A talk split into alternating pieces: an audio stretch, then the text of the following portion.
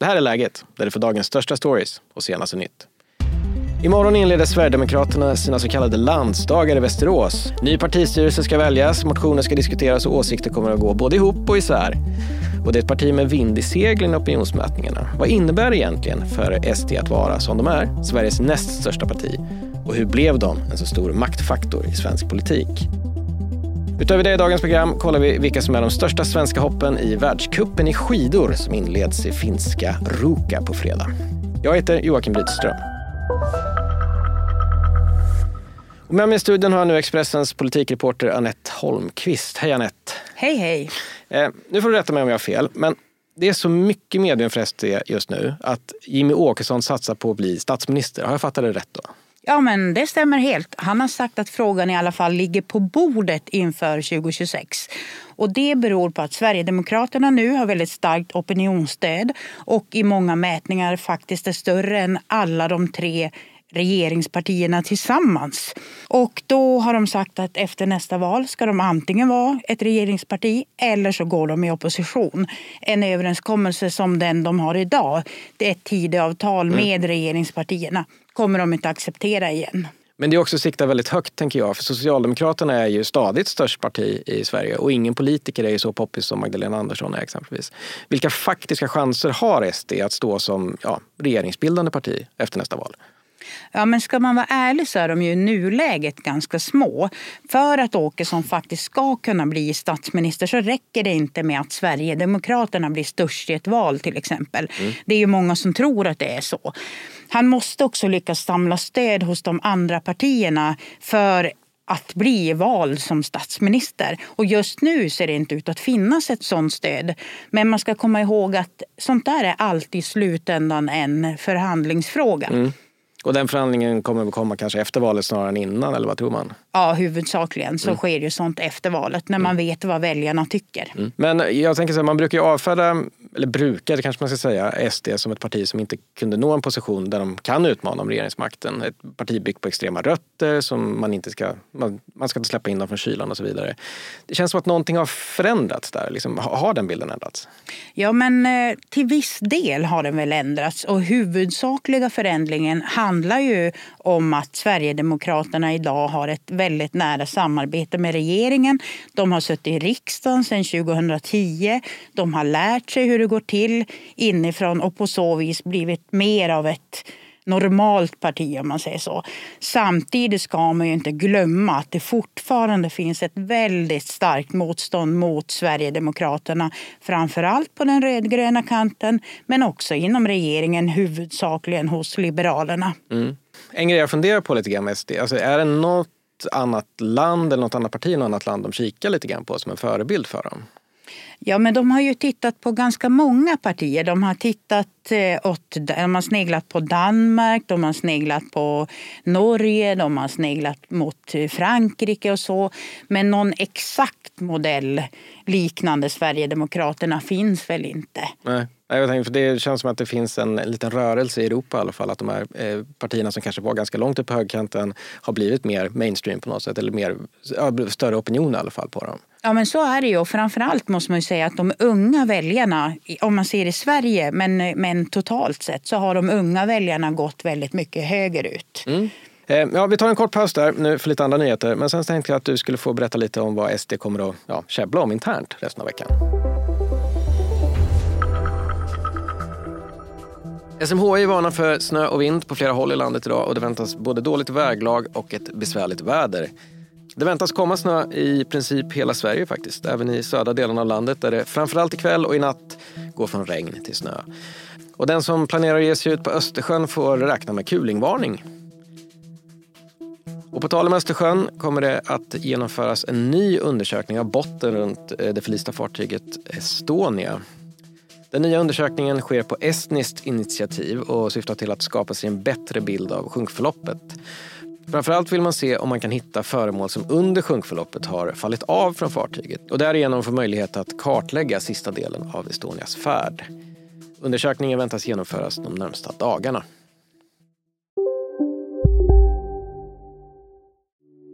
Hej, Ulf Kristersson här. På många sätt är det en mörk tid vi lever i. Men nu tar vi ett stort steg för att göra Sverige till en tryggare och säkrare plats. Sverige är nu medlem i Nato. En för alla, alla för en. Har du också valt att bli egen?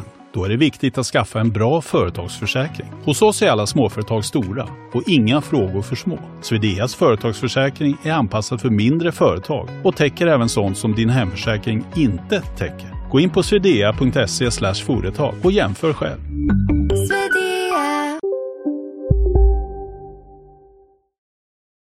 Okej, eh, nu ska SD ha sina landsdagar då. Men vad är det som står på agendan? Ja, det är en hel del olika saker. Dels ska Jimmy Åkesson väljas om som partiledare, för vilken gång i ordningen mm. det nu är. Han har varit partiledare i 18 år. Det är väldigt länge det. Det är otroligt länge. Men det kommer såklart inte vara någon dramatik kring valet av honom. Han är fullständigt ohotad. Men så ska också en del förändringar göras i partistyrelsen. Mm. Några ska ut, någon annan ska in.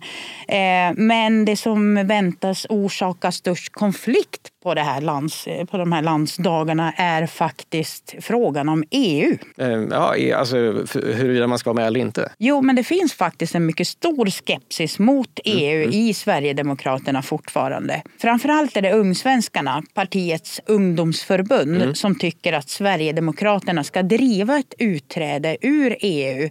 Alltså en swexit som det brukar kallas. Eh, nej, men det handlar om att eh, de tycker att EU lägger sig i för mycket mm. saker som borde vara helt svenska beslut. Och de ungsvenskarna vill se en röd linje hit men inte längre.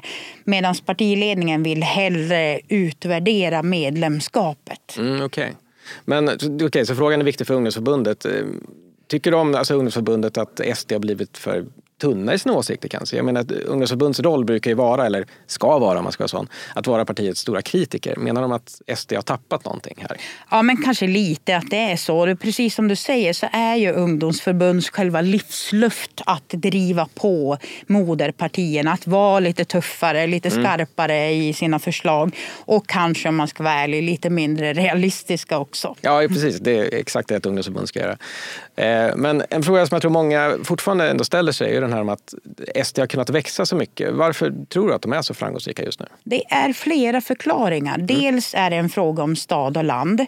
Sverigedemokraterna gick fram väldigt mycket i senaste valet på landsbygden och det gjorde de med frågor som till exempel billigare bensin och diesel, mm. eh, avskrivna studielån för läkare och sjuksköterskor som tar jobb i landsbygden, glesbygden. Men eh, det är också så att den tid vi lever i nu gör det är liksom precis Sverigedemokraternas hemmaplan. De frågor vi pratar om nu, alltså kriminalitet, invandring, frågor där väljarna vet vad Sverigedemokraterna tycker sedan många år tillbaks. Mm. Ja, det ska bli spännande att se vad som händer i helgen. Då. Bevakningen av landsdagarna kan ni ju följa på Expressens sajt och appen och höra mer om i nästa veckas avsnitt av Politikrummet som ju du är med i. Ja, det kommer på tisdagar. hoppas jag. Ja. ja. precis. Tack för idag, Anette. Tack så mycket. Och nu blir det några fler korta nyheter. En svensk har gripits i närheten av Barcelona och misstänks för omfattande narkotikabrott. Det ska röra sig om en 41-åring som tidigare varit bosatt i Malmö. Det var spansk polis som grep mannen igår och han misstänks för synnerligen grovt narkotikabrott och synnerligen grov narkotikasmuggling. Den svenska polisen förklarar att mannen gripits efter ett nära samarbete mellan Sverige och Spanien och ett överlämningsförfarande kommer nu att påbörjas. Den som har övervikt eller fetma vid 18 års ålder löper högre risk för 17 olika cancerformer senare i livet. Det visar en ny svensk studie. I undersökningen, som bara gjorts på män ska sägas, eh, följdes nästan 1,5 miljoner svenska män från mönstringen fram till 50-årsåldern. När forskarna undersökte vilket kroppsmasseindex de medverkande hade var det tre till fyra gånger högre risk för vissa cancerformer för män med fetma vid mönstring.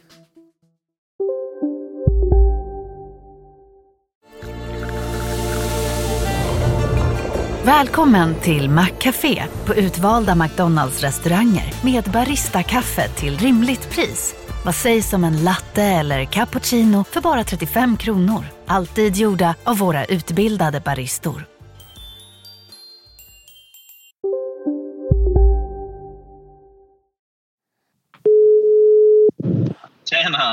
Nu har jag ringt upp Expressens reporter Filip Gadd. Du sitter i en bil på väg till Finland. Eller du kanske är redan i Finland? eller? Ja, vi är snart inne i Finland. Vi kör mellan Luleå och eh, Ruka, långt inne i den finska skogen, bara någon mil från den ryska gränsen. Oh. Så det är en lång dags färd mot världscuppremiären i längdskidor. Ja, ja, precis. För anledningen är att det är världscupen drar igång på fredag. Eh, och nu gillar jag verkligen längdskidor. Och jag är så gammal så jag till och med såg Gunde Svan live på tv när han vann VM-guld och sådär. Men jag måste erkänna, jag är inte helt på det klara med vad världscupen i längdskidor faktiskt är för någonting. Ja, men man kan säga att det är som en lång utdragen tävling över hela vintern. Det börjar nu till helgen, pågår hela vägen fram till slutet av mars när det är de sista tävlingarna i Falun. Och det är tävlingar som spänner över hela vintern. Det är 15 orter eh, som eh, skidstjärnorna tävlar på. Man samlar då poäng i hur det går i varje lopp och sen så räknar man ihop det på slutet. Och därmed så kan man ju få någon slags facit då på vem som är den bästa skidåkaren över hela vintern. Eh, den som vinner världscupen. Och det är extra intressant den här vintern för att det är inget VM, det är inget OS. Vilket betyder att eh, skidåkarna kommer ha fullt fokus på den totala världscupen. Ja, det är det här som är liksom grejen i vinter.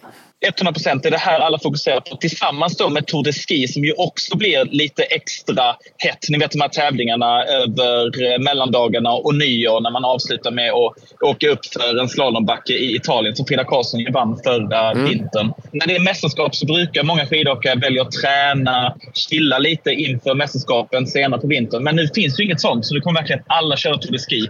Eh, så det kommer att bli extra hett också den här vintern. Ja, supervinter. Men vilka svenska åkare har vi i världscupen och ja, Tour de Ski som vi tror mest på i år? Ja, hur mycket tid har vi? För att sanningen är att, på, i alla fall på damsidan, så har faktiskt eh, Sverige, skulle jag säga, tidens bästa lag. Oj. Sverige har aldrig varit så här bra på damsidan.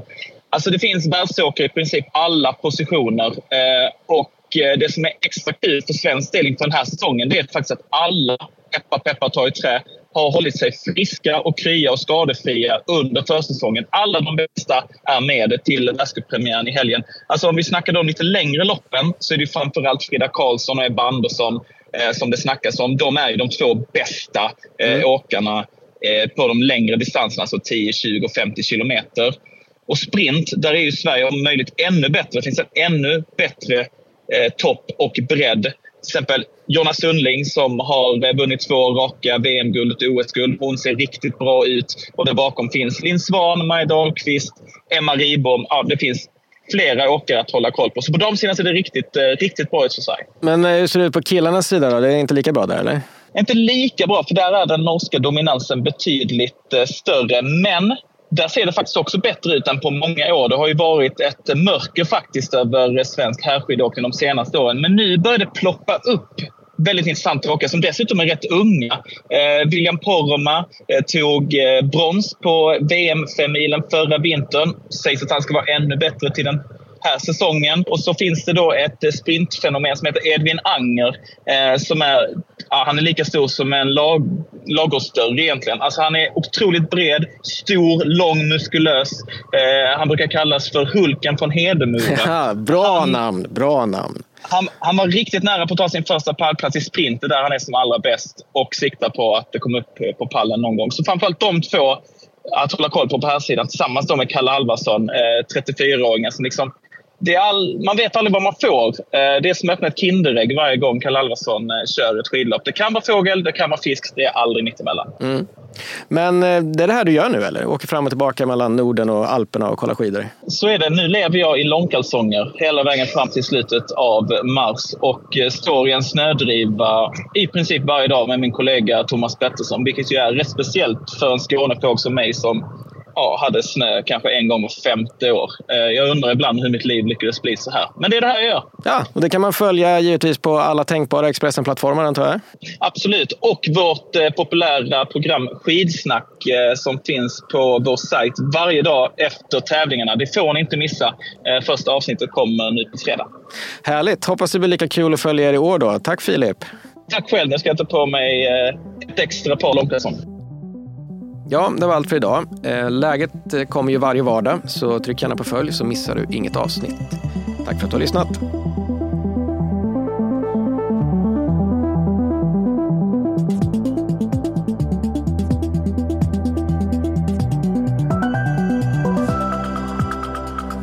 Du har lyssnat på en podd från Expressen. Ansvarig utgivare är Klas Granström.